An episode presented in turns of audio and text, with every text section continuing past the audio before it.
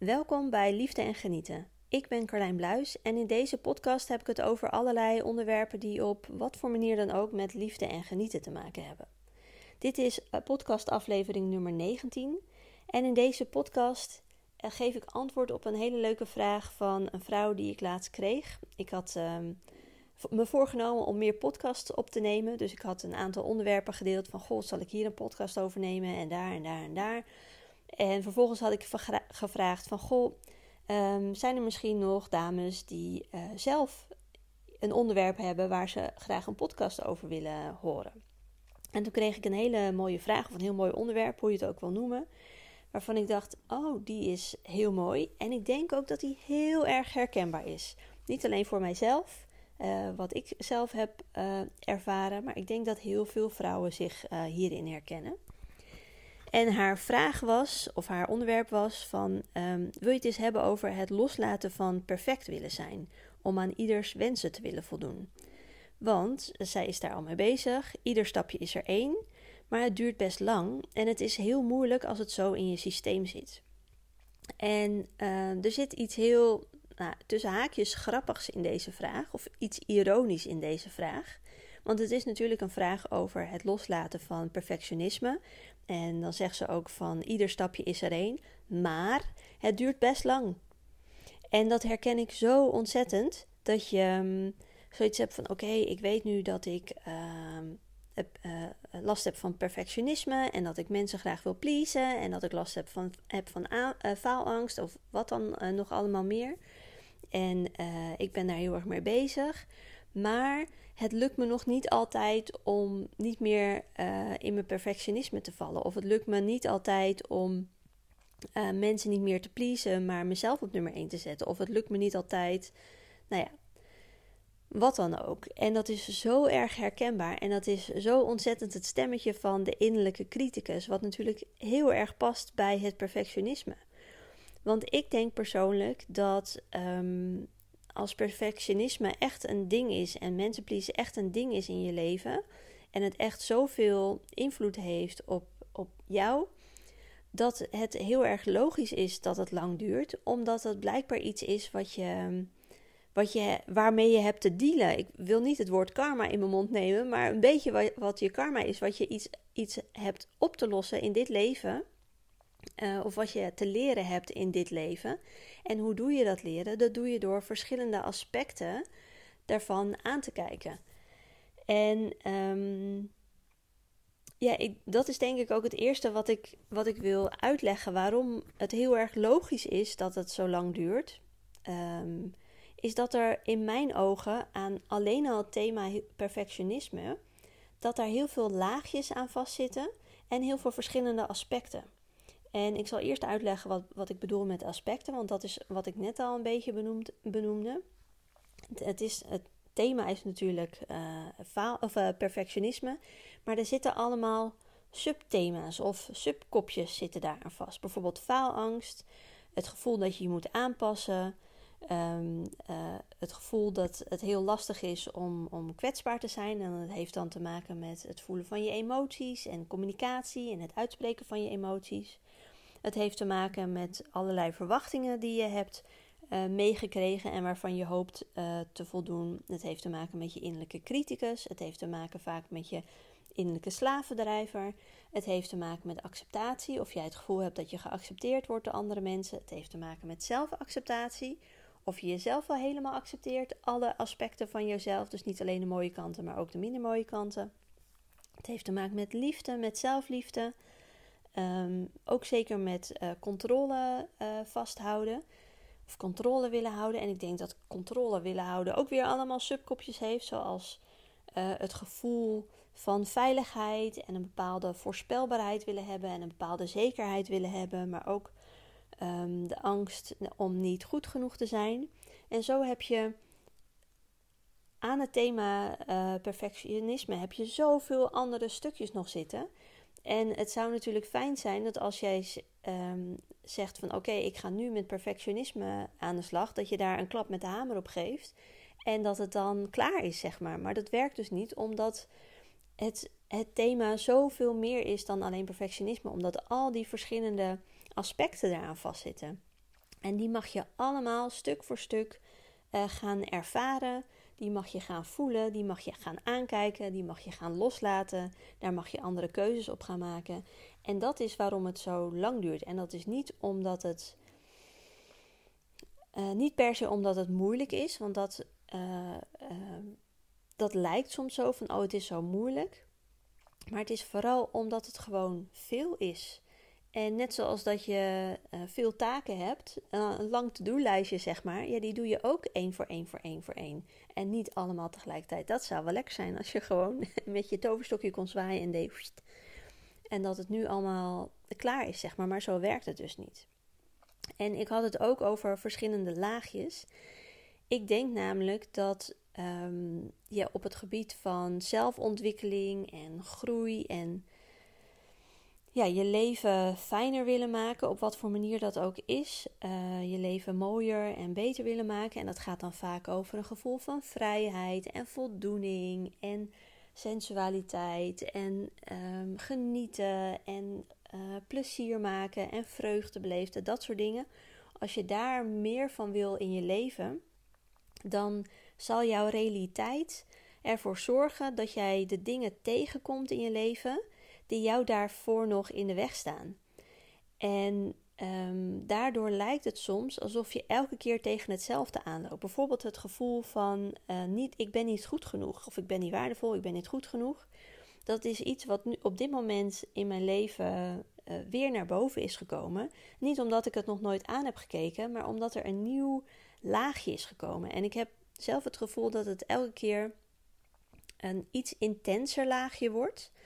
Uh, maar dat het ook precies klopt dat het steeds wat intenser wordt. Omdat je eigenlijk begin je met het, uh, het makkelijkste. Iets met wat je het makkelijkste los kan laten. Wat je het makkelijk, makkelijkste kunt accepteren of het makkelijkste kunt ontvangen. En als je daar dan in gewend bent, dan komt het volgende laagje. Dan wordt het iets moeilijker. En dan, als je dat dan weer gedaan hebt, komt het volgende laagje. En ik zal het iets concreter uitleggen. Want dat gevoel van uh, niet goed genoeg zijn, dat had ik eerst in mijn werkende leven. En ik werk nu natuurlijk nog steeds, maar ik werkte, um, wat is het, acht jaar geleden werkte ik nog voor een baas. En daar had ik ook heel erg het gevoel niet goed, uh, niet goed genoeg te zijn. Uh, ik had het gevoel dat ik uh, meer moest doen, beter moest doen. ik, kon er, ik moest heel veel um, ja, files typen met allemaal ik was uh, product developer voor uh, mannenjassen. En dan moest ik helemaal files maken met wat zit er allemaal in de jas. Welke knoop, welke rits, welke vulling, welke buitenstof, welke binnenstof. Uh, hoe zit die qua constructie helemaal in, in elkaar. Was superleuk werk was dat. maar ik wilde geen fouten maken in mijn beschrijving. Ik wilde dat de fabrikanten het goed begrepen. En dat alles er helemaal perfect in stond. En dat de maten helemaal klopten. En dat betekende dus dat ik soms wel drie keer alles nakeek. Wat natuurlijk scheidt veel tijd uh, kost. En het was al best wel een drukke baan met veel uren en veel reizen en weet ik veel wat allemaal. Veel druk. Um, maar door zo perfectionistisch te willen zijn, omdat ik het gevoel had niet goed genoeg te zijn als ik fouten zou maken, wat dus ook weer met faalangst te maken heeft, um, bleef ik het maar controleren en bleef ik het elke keer maar weer ja, perfect willen maken. En dat was het eerste laagje wat ik los uh, mocht laten. Dat ik zeg maar in, in de wat uh, ja, wijdere cirkel of wijdere omgeving, mensen die niet heel erg dichtbij stonden, daar mocht ik eerst het thema niet goed genoeg uh, zijn aankijken.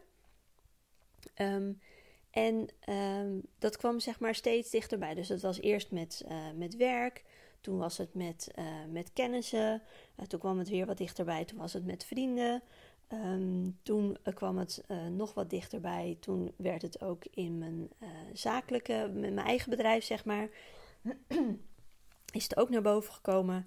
Uh, binnen mijn relatie is het naar boven gekomen. En nu het laatste waar het in boven is gekomen, en ik weet niet of het het laatste is, maar het laatste wat ik nu zo ervaren heb, is in het gezin van mijn oorsprong. Dus mijn gezin waar ik in geboren ben. Dus mijn ouders, mijn broers en ik reken daar zelf ook altijd mijn grootouders uh, bij.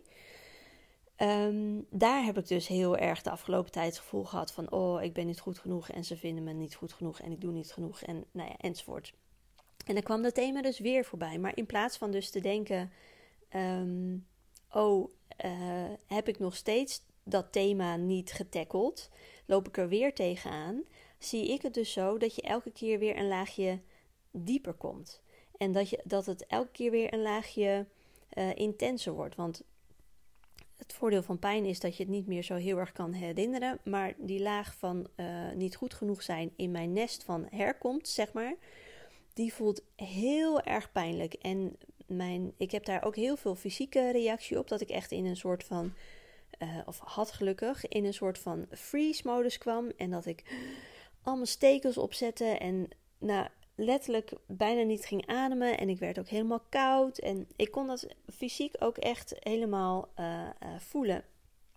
En dat voelde intenser dan um, de laagjes die ik daarvoor had gehad. En ik denk dus, dus dat het ook te maken heeft met een soort van uh, oefenen of een soort van kweken van vertrouwen. Ik weet dat ik die andere laagjes op ditzelfde thema, die heb ik ook getackeld. En daar ben ik ook doorheen gekomen. En ja, dat was een periode, was dat uh, lastig en heftig en moeilijk en onwennig en pijnlijk.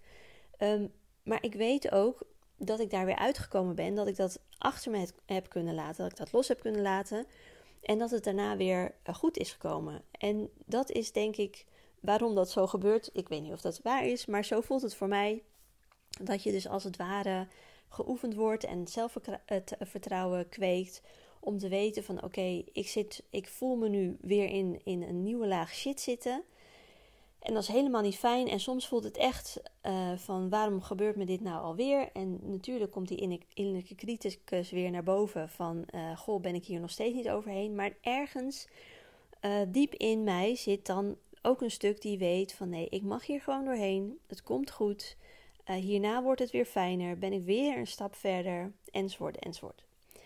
En uh, vaak is dat pas achteraf te zien. Heb je, dat, als je er middenin zit, is het altijd een beetje lastig. Maar wat ik al zei, door het oefenen krijg je wel steeds meer een basisvertrouwen in jezelf.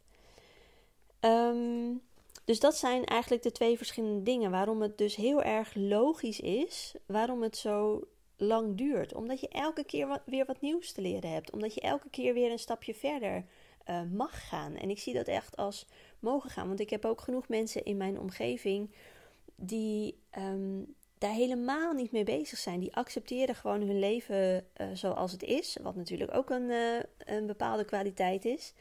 Maar die gaan ook niet op zoek naar meer vrijheid, naar meer plezier, naar meer eigenheid, naar meer genieten, naar meer doen wat zij echt willen in plaats van hoe ze denken dat het horen. En als je dus wel op zoek bent, als jij wel iemand bent die op zoek is naar fijner leven, ik vat het even samen als fijner leven, dan ontkom je er niet aan om die demonen aan te kijken, om faalangsten aan te kijken, lief willen zijn aan te kijken, om je innerlijke criticus, je innerlijke slavendrijven, alles wat ik net genoemd heb, om dat allemaal aan te kijken. En um, het feit al dat je, dat, je, dat je het doet en dat je het mag doet en dat je er elke keer weer een stapje verder in komt, is eigenlijk een reden om elk stapje te vieren in plaats van te denken van het duurt zo lang. Want het duurt dus zo lang met een reden. En hoe langer het duurt, hoe verder je dus. Ja, het betekent dus eigenlijk dat je elke keer steeds weer verder komt. En dat je niet opgeeft. En dat je niet zoiets hebt van: oh, maar nu weet ik het niet meer en eh, laat maar zitten en ik heb hier geen zin meer in. Dat je gewoon eigenlijk dat je heel goed bezig bent. dat is een beetje de conclusie. Um, oh ja, wat ik, ik zit even bij mijn aantekeningen te kijken hoor. Ik had al opgeschreven, je kunt namelijk actief uh, op zoek gaan naar die aspecten. Dus als je zoiets hebt van, oh, ik heb nog steeds last van mijn perfectionisme, dan kun je natuurlijk gaan brainstormen van, goh, uh, wat zit daar voor mij allemaal aan, aan vast? Um, en ik denk dat dat zeker uh, waardevol is om daar een keer naar te kijken. Maar je kunt ook um, je realiteit voor jou gebruiken. Want ik ben natuurlijk ook van het spiegelen. En bij het spiegelen ga je ervan uit dat alles wat in jouw realiteit gebeurt, dus wat alles wat in jouw buitenwereld gebeurt, is simpelweg een weerspiegeling van jouw innerlijke wereld, van jouw zijn.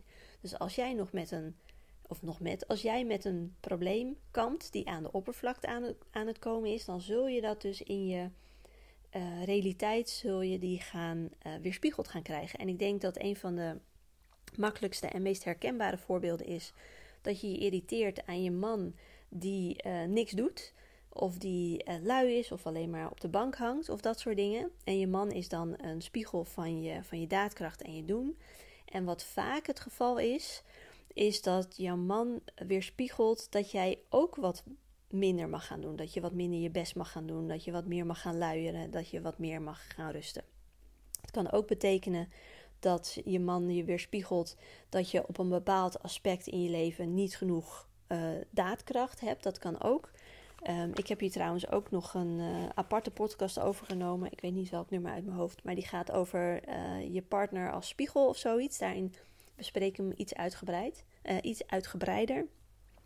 Maar op die manier werkt jouw realiteit voor jou. Dus als jij op wat voor manier dan ook geërgerd wordt of geraakt wordt of gekwetst wordt door iets of door iemand of door een situatie, zeg maar, dan is dat vaak datgene wat bij jou aan de oppervlakte ligt, waar je naar mag gaan kijken. Dan is dat vaak de, jouw volgende stap. Dus je kunt heel actief gaan zoeken van, goh, wat zit er bij mij allemaal aan perfectionisme uh, vast, maar je mag ook um, wat meer naar achter leunen, wat meer in de overgave en erop gaan vertrouwen dat uh, wat jij uh, als volgende stap hebt aan te kijken, dat dat vanzelf wel op je pad komt.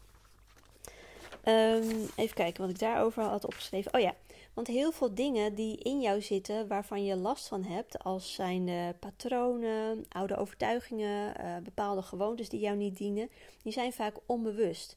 Dus het allereerste wat mag gebeuren is om iets van onbewust naar bewust te trekken. En er zijn heel veel verschillende manieren voor. Ik gebruik er onder andere hypnose voor, maar het spiegelen is daar ook echt super mooi voor, omdat dat gewoon letterlijk jouw realiteit is die jou uh, spiegelt. Nou, dan moet je natuurlijk wel uh, inzichten krijgen van goh, maar wat, oké, ik irriteer me aan mijn partner, of ik irriteer me aan mijn moeder, of ik irriteer, ik uh, heb een kort lontje rondom mijn kinderen. Dat is niet genoeg. Je mag, je mag ook verder gaan zoeken van ja, maar wat heeft dat dan wat, wat zegt dat dan over mij? Ik denk dat dat de meest korte uitleg is. Wat zegt dat dan over mij? En als je dat weet, dan heb je dus je inzicht van: oh, oké, maar ik irriteer me dus aan mijn moeder. Uh, ze ziet me niet staan omdat ik mezelf niet belangrijk genoeg vind, bijvoorbeeld. Dat is een spiegel die veel voorkomt. Uh, maar met dat inzicht alleen, uh, met het weten alleen, ben je er nog niet. In, dat is niet helemaal waar trouwens. Als er kleine dingetjes zijn, dan is een inzicht soms voldoende, maar vaak heb je nog een actie nodig na het inzicht. Dus een actie kan zijn als je bijvoorbeeld je man op de bank ziet eh, luieren en niks ziet doen en uh, alleen maar, hij is alleen maar aan het ontspannen en hij voert nooit wat uit. En je denkt van oké, dit is mijn spiegel. En je komt erachter van oh, hij weerspiegelt mij dat ik ook wat meer op mijn gat mag zitten. Meer tijd mag nemen om te ontspannen. Dan, is de, dan, dan weet je dat. Maar dat, dat verandert nog niks. Dus als je dat inzicht hebt, mag je dus andere keuzes gaan maken. En dan mag je dus gaan kiezen om meer te gaan luieren, om meer te gaan rusten, om meer tijd voor jezelf te gaan nemen. En als je dat gaat doen, dan heb je het zeg maar, dan heb je ermee gedeeld, dan heb je het aangekeken. En um, met bepaalde dingen uh, kan je dus, werkt het inderdaad zo, het is onbewust, het wordt bewust. Dus je hebt een weten, je hebt een inzicht en vanuit dat inzicht kun je het gewoon anders gaan doen. Daar is nog wel een trucje bij. Want vaak als je bijvoorbeeld besloten hebt, oké, dan ga ik meer rusten, dan komen daar allerlei gedachten en emoties en oordelen en nou, innerlijke criticus, die komen daarbij naar boven. Uh, misschien word je wel boos, misschien word je wel verdrietig. Um, je hebt daarbij ook uh, de emoties die aan, aan die overtuiging of ja, die aan dat stukje vastzaten, daar heb je, die heb je ook te doorleven. En eigenlijk is het niet veel moeilijker dan dat. Dat heb je te doorleven. En dat klinkt makkelijker dan dat het is, dat weet ik ook. um, maar daarmee ben je al een heel eind. Maar, en dat zijn ook vaak dingen dat als je daar de juiste tools voor hebt, zoals schrijven of uh, um, mediteren of echt gewoon voelen en huilen of dansen of wandelen of bijvoorbeeld in gesprek gaan met, met goede vriendinnen of vrienden of met je partner als dat, uh, als dat kan. Dat zijn tools die ik uh, uh, zelf gebruik. Dat was zeg maar mijn lijstje met tools van wat doe ik als ik daar tegenaan loop. Dan zijn dat de dingen. En vaak is dat genoeg om, daar, om dat zelf te doen, zeg maar. Maar ik heb ook gemerkt dat er achter bepaalde mm, ja, dingen, dingen die in jouw systeem zitten, dat je, nou ja, dat je weer hetzelfde hebt van onbewust naar bewust. Dan krijg je een weten en een inzicht. En dan denk je ook van oké, ik mag daar een andere keuze op maken. En er komen emoties bij kijken. Maar soms komt de emotie, of vaak komt de emotie angst erbij kijken. En um, dat is best lastig als je wat wil veranderen. Want um, wij zijn zo gebouwd als mens dat we onszelf veilig willen houden. Dus als je ergens bang voor bent, dan zal je het uit je instinct, zeg maar, uit je conditionering, zal je het in eerste instantie uit de weg gaan. En bij een aantal dingen uh, kun, je, kun je toepassen. Ja, ik ken hem alleen in het Engels. Feel the fear and do it anyway. Dus voel de angst en je doet het alsnog. Dat kan met een aantal dingen. Maar bij sommige aspecten is het gewoon te spannend. Het is te spannend voor je systeem. Er zit te veel aan vastgeplakt. Um, je krijgt er bewijzen van, spreking, eh, bewijs van spreken een halve zenuwinzinking van.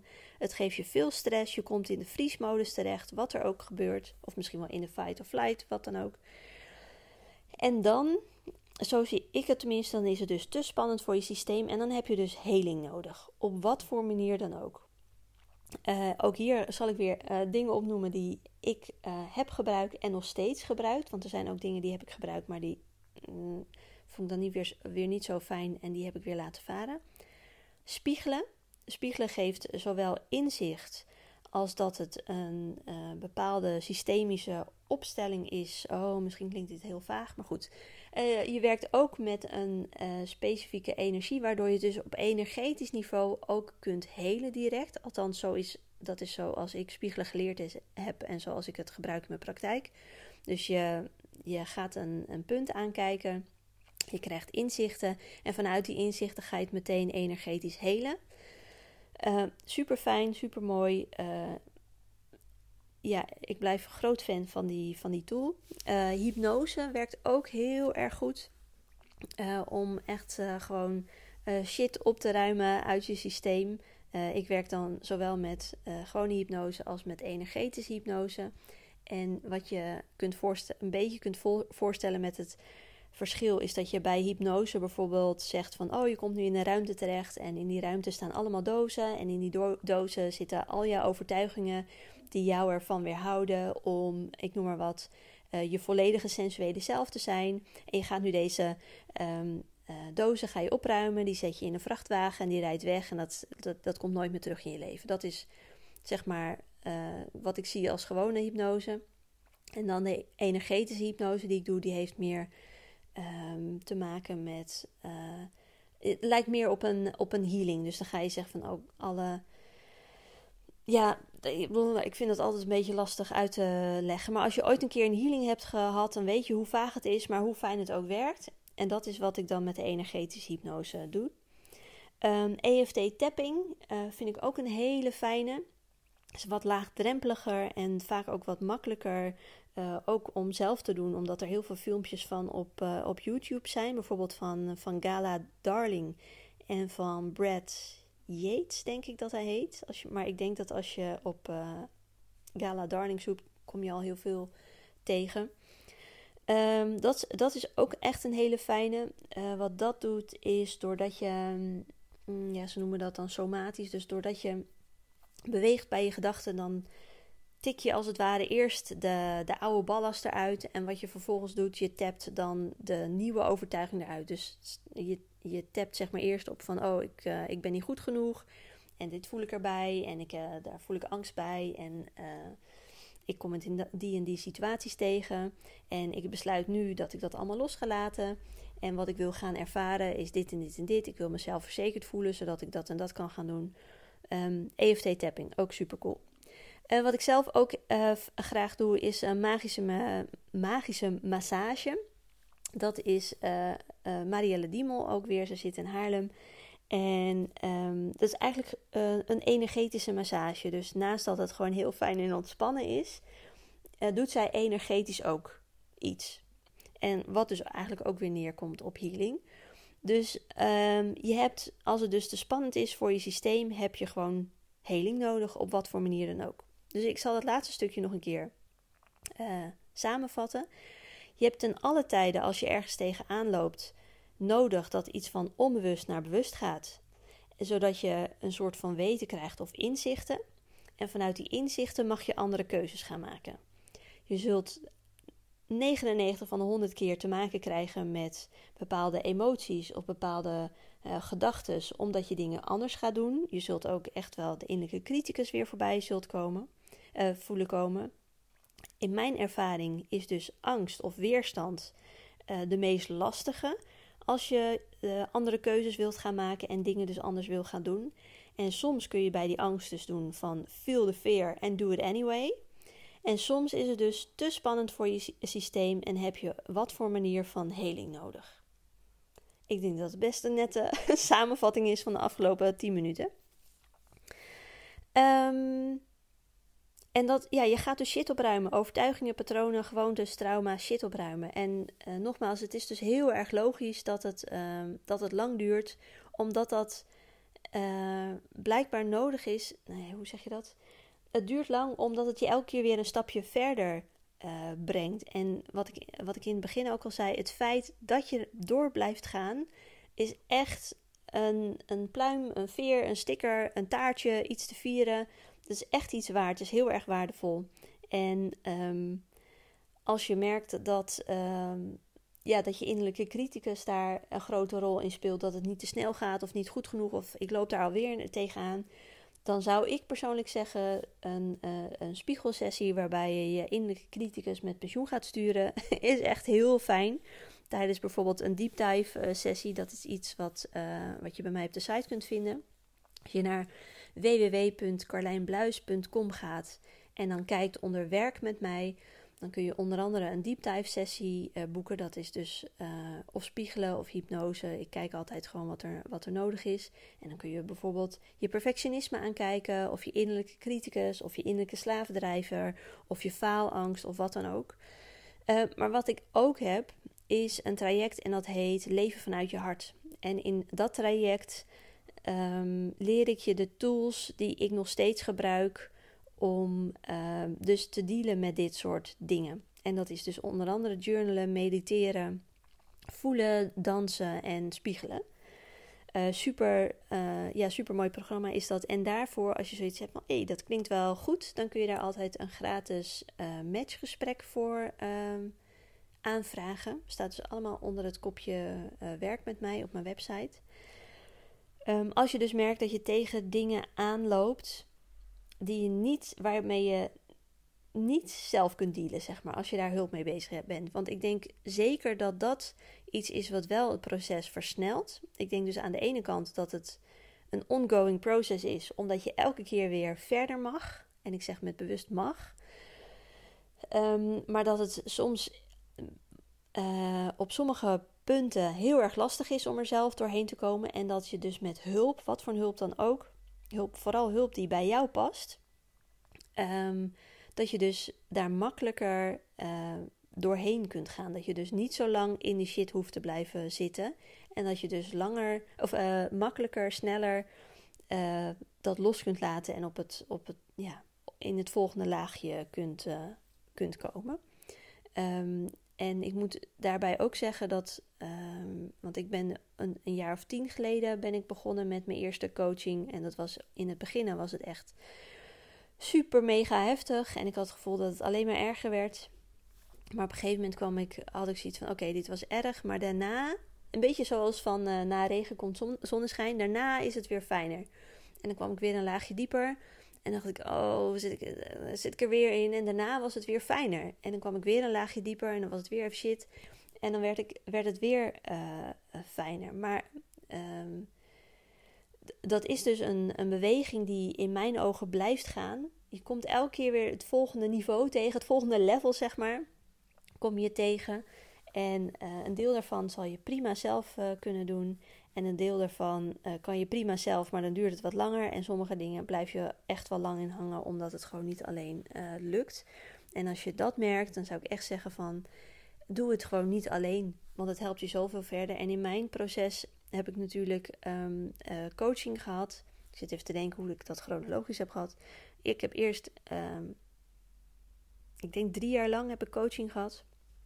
Toen ben ik uh, de KPNI-opleiding gaan doen, de klinische psychoneuroimmunologie. Dat was een vervolg op de ortomoleculaire opleiding die ik had gedaan. En daar leerde ik ook al meer over een beetje systeemopstellingen en een beetje over, um, nou ja, over de psychologie van, van mensen, zeg maar. Um, en daarin hadden we ook allemaal leuke energetische oefeningetjes die me al verder hielpen. En die ik dus zelf kon leren, maar die mijzelf ook weer verder hielpen. Ik zit te denken, wat heb ik daarna gedaan? Ik denk dat ik daarna de, ma nee, de spiegelopleiding heb gedaan van uh, Marianne van Toer van Spiegel Je Wijs. Uh, waarbij je dus, ik hou hier heel erg van opleidingen waarbij je um, dingen leert, maar het zelf ook ervaart. En die spiegelopleiding was dus echt, um, dit is het onderwerp van vandaag. Ik leg er wat over uit en nu mag je het zelf gaan ervaren en dus ook helen. Dus dat was super mooi. Ik heb ook nog een wat meer spirituele opleiding gedaan, de magische manifestatie vanuit meesterschap, uh, waarin ik wat meer leerde over, um, ja, over tijd, over synchroniciteit, over nou ja, het hele spirituele vlak, wat voor mij op tot dat moment vrij onduidelijk was. Ik heb nog een opleiding gedaan voor energetische hypnose. Um, en daarin heb ik dus ook um, tijdens de opleiding ook heel veel kunnen helen. Omdat je dus um, zelf oefent, maar er ook op jou geoefend wordt. En dat is dus ook waarom het voor mijn gevoel echt zo snel is gegaan de afgelopen jaren. En uh, waarom het dus zo, uh, zo waardevol is. Dus dat nog even als, uh, als afsluiter. Ik hoop dat je hier wat aan gehad hebt. Oh, nog één dingetje. Dit ging natuurlijk over perfectionisme. Maar in mijn ogen werkt het dus met ieder thema zo. Dus als jij denkt van, oh, dit is het grootste thema in mijn uh, leven, uh, misschien wel in je leven of misschien in je leven op dit moment, wees je er dus bewust dat er altijd van die subcategorietjes uh, aan vastzitten. Um, de ene keer meer dan de, dan de andere. en dat je daar dus gewoon mee te dealen hebt. En wat ik ook nog wilde zeggen, ik vond het super leuk om deze podcast op te nemen, omdat die kwam vanuit een uh, input vanuit iemand die mij volgt en die, iemand die ik ook ken.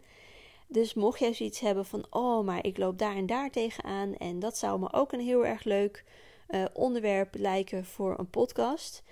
Schroom alsjeblieft niet. Ik vind het super leuk om input te krijgen en om daar vervolgens lekker over te gaan brainstormen en er dan een podcast over op te nemen. Vind ik echt heel leuk om te doen. Dus laat het me zeker weten als je zoiets hebt van: oh, ik wil. Uh, kan je daar niet een keertje over hebben? En ik zei al: liefde en genieten. Dus alles wat op wat voor vlak ook maar met liefde en genieten uh, te maken heeft, uh, kan als, als onderwerp. Dus dat is vrij, vrij breed, denk ik dan maar. Dus dat um, is nog wat ik me, met je, aan je mee wilde geven. En ik uh, ga hem hierbij afsluiten. Ik wens je verder een hele fijne dag. En ik uh, zie of spreek je een volgende keer. Doei doei!